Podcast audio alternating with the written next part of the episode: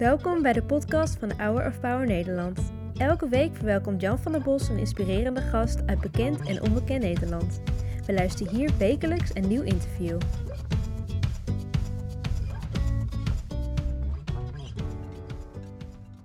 I'm not lucky, I'm loved. Ik ben geen geluksvogel, ik ben geliefd.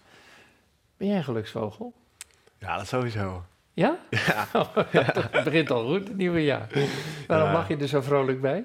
Ja gewoon dat ik ja, zoveel mensen om me heen heb die om mij geven. Mijn ouders, schoonfamilie, eh, mijn vrouw, mijn kinderen, de mensen in mijn kerk. En gewoon ja, vrienden, Ja. de genade van God.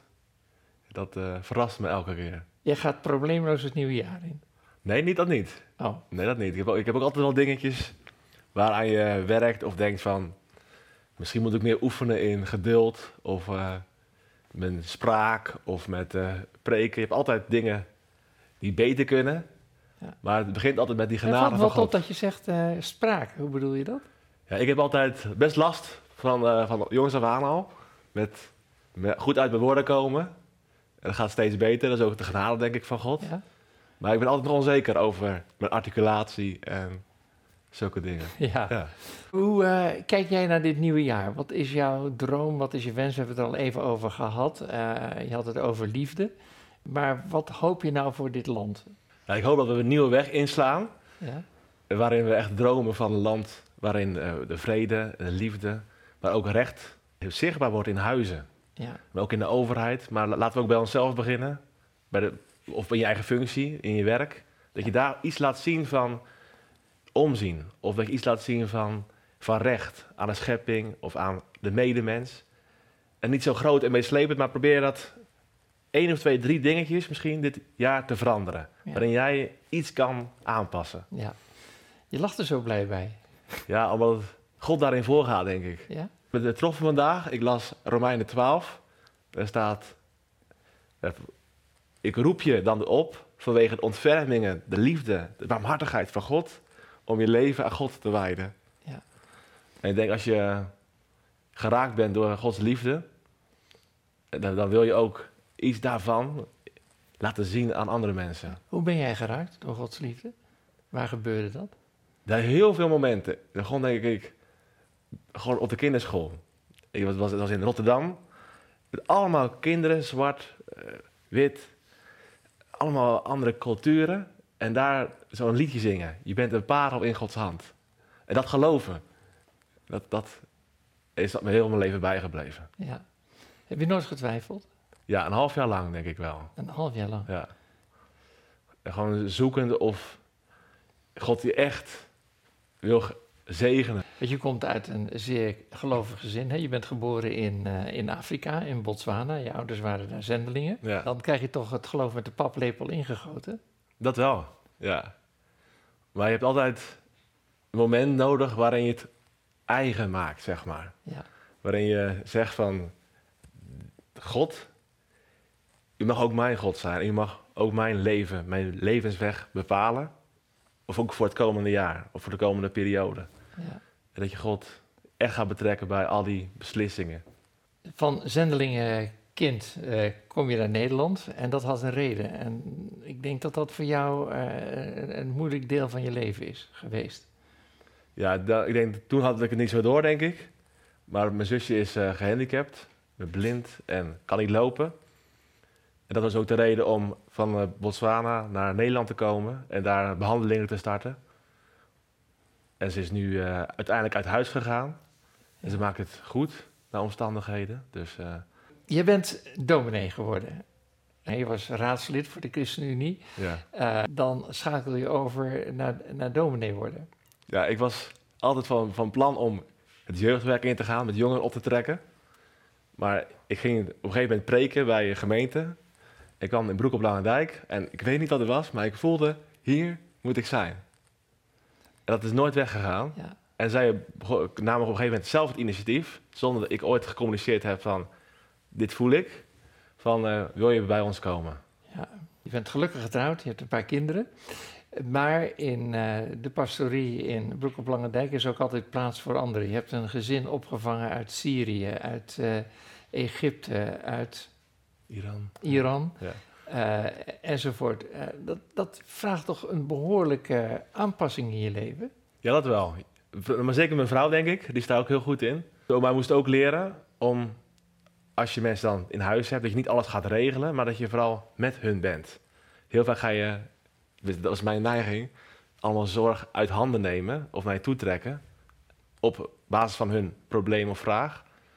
Maar ik moet steeds meer leren, oefenen om het samen te doen. Dus dat je wel oploopt en ondersteunt in hun zoektocht Ja. in Nederland en integreren. Ja, Ik denk dat het twee kanten zijn. Voor ons is het denk ik een roeping om dat te mogen doen. Omdat we een groot huis hebben. Ze hebben een eigen keuken. Dus dat scheelt. En ja, je levert wat privacy in natuurlijk. Eh, Of soms, dat je s'nachts om negen uur nog kinderen hoort. Omdat de cultuur heel anders is van hoe laat ze naar bed gaan. Maar in het alles wil je gewoon elke keer zoeken naar verbinding. En wat ik, of, of, ik denk, al die keren dat die mensen bij ons geweest zijn, heb ik er veel meer van geleerd dan ik ooit voor mogelijk zou houden. ja, zoals?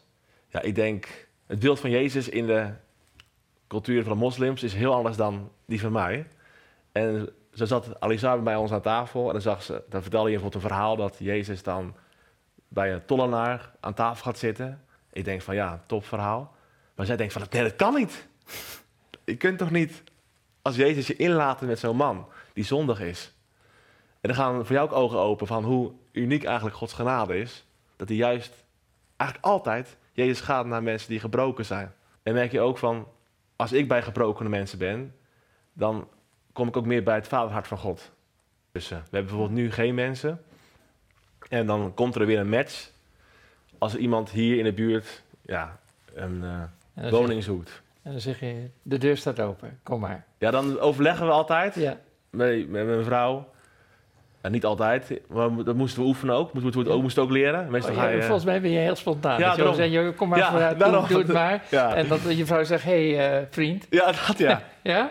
Dus ik moest ook leren van, en ook gewoon, wat hoort het bij Gods geest, hè? Ja, Ik kan, wel, ik kan het wel leuk vinden, maar hoort het bij Gods ja, roepstem? ja.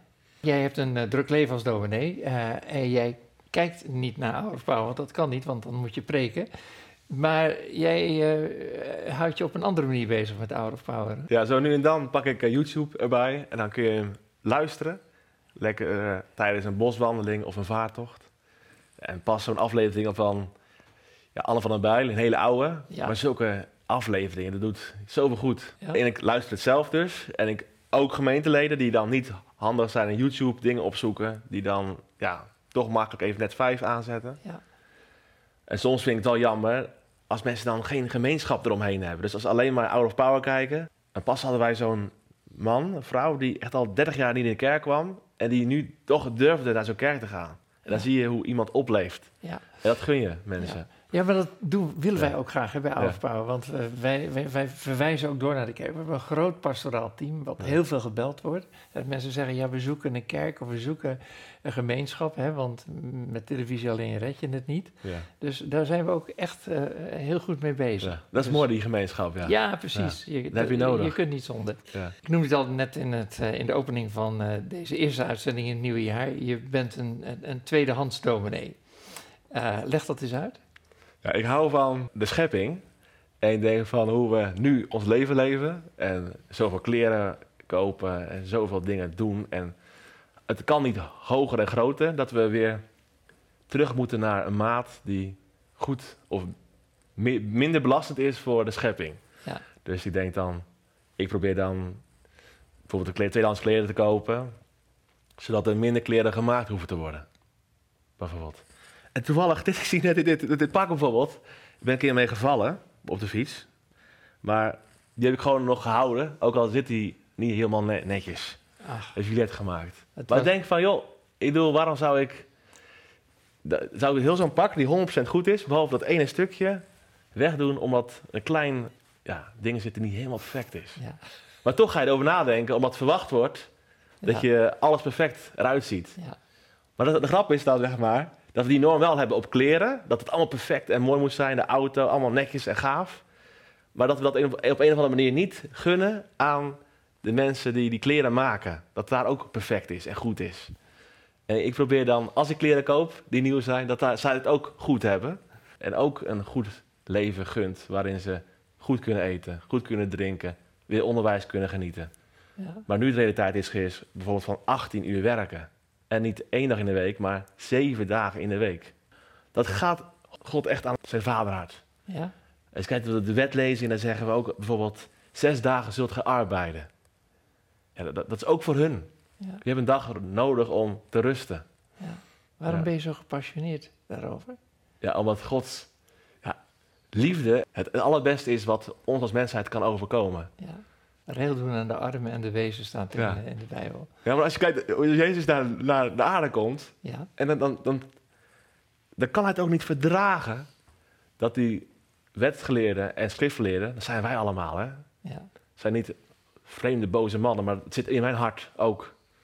Die wel netjes voorkomen en allemaal goed alles geregeld hebben, maar niet zorgen dragen voor die weduwe. Ja. En dat kan God niet verdragen. Dan zegt hij van, ik zal de stempel afbreken, omdat jullie niet omzien naar Ja. de weduwe, de wezen, Ja. naar de mensen om je heen. Mooi hoor. Ik vind het echt indrukwekkend dat je zo in het leven staat. Je eh, spullen voor huis koop je ook eh, op de kringloopwinkel enzovoort. Vind je vrouw dat leuk? Ja, dat is mijn vrouws afdeling. Oh, dat is je vrouwsafdeling. Ik denk, dat doe jij ook nog even erbij. nee, nee, nee, nee. Nee. Ik mag het ophalen Ja, of afdingen. ja. Maar dat moest ik ook leren. Vroeger kon ik gewoon op het gênant af afdingen. Maar nu denk ik van, waarom zou ik met zoveel ja, middelen gekregen altijd bezig zijn met de laagste prijs? ja, ja. Wat is je favoriete bijbeltekst? Ja, ik vind Micha 6 vers 8 een hele mooie tekst. Heel makkelijk te onthouden. Er staat, eh, er is jouw mens gezegd wat goed is. Je weet wat de Heer van je wil. Geen onrecht te doen, maar recht te zijn. En nederig de weg van je God te gaan. Ja, dat is alles. Recht doen, trouw zijn. En afhankelijk nederig steeds die weg van God doen dat het op een of andere manier in ons ligt, of dat je het weet van wat God met ons wil, Ja. namelijk ja, recht doen, trouw zijn, nederig, maar op een of andere manier heel vaak ja, toch aan de haal gaan en hoogmoedig zijn, of zo vaak niet trouw zijn aan mensen, of niet aan onszelf, of aan mensen om ons heen. Ja. Dat we zo vaak het recht aan onszelf toetrekken in plaats Ja. van recht doen aan Ja. Gods wereld. Ja. Jouw favoriete persoon uit de Bijbel is David. Ja, Nou, als ik daar naar kijk, naar dat leven, ja. hij pleegde overspel, was koning van Israël en liet mensen vermoorden. Hij was Gods oogappel. Eh. Eigenlijk denk je van, hoe is het mogelijk? ja. Leg het eens uit. Ja, dat, dat is het meest fascinerende aan God, denk ik. Dat we weten eigenlijk wel wat God van ons wil. Maar zo vaak gaan we ja, daar tegenin. De fout in. Ja. En dan verkloten we het, net als David. En toen ik jong was, tiener, dacht ik echt van... Hoe kan God met mij verder? Ik dacht, dat kan niet. Ik met mijn beperkingen en zonden en zo vaak veroordeling. Hoe kan God met mij iets willen? En toen las ik David en dacht ik van... Als God met David verder wil en hem zelfs een kind naar Gods vaderhart noemt... Een kind van God... Dan kan het ook wel van mij. Ja, en dat is natuurlijk ook de Bijbel gaat altijd aan de haal met mensen die vallen. Ja. En door die gebrokenheid en door die wonden wil God werken. Ook het komende jaar. Dus ook in mijn leven zit heel veel gebrokenheid en wonden. En dingen gaan niet altijd goed. En dat mag je gewoon beleiden naar elkaar, naar God toe. Maar we mogen ook vertrouwen op dat God uiteindelijk toch tot zijn doel komt. Met ons, met onze kerk, met deze wereld. Daar gaat Bobby ook veel over spreken. Die heeft een fantastische serie over hè, wat wil je en wat kun je met je leven. Eh, waar gaan we mee afsluiten naar de kijkers van Hour of Power in dit nieuwe jaar?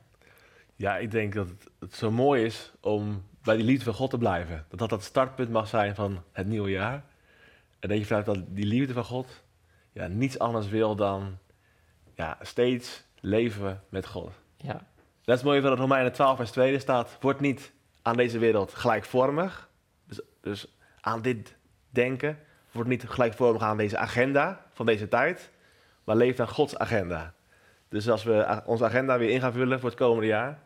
Probeer dan ook randen te maken in je agenda. Voor God. En voor je naaste.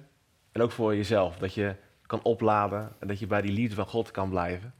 Dat dat de bron is. En als je dicht bij die bron blijft, dan kun je ook elke keer vanuit die vernieuwing met God delen. Ja. Heel hartelijk dank dat je hier uh, vanmorgen wilde zijn. En uh, fantastisch wat je doet. Ik wil je graag niet met lege handen naar huis laten gaan. Hij is niet tweedehands, hij is gloednieuw. ja. Uh, nummer 6, vers 24 tot 26. Je kent hem, hè? De Heer ja. zegen en boede. Hij doet zijn aangezicht over je lichten. Ja.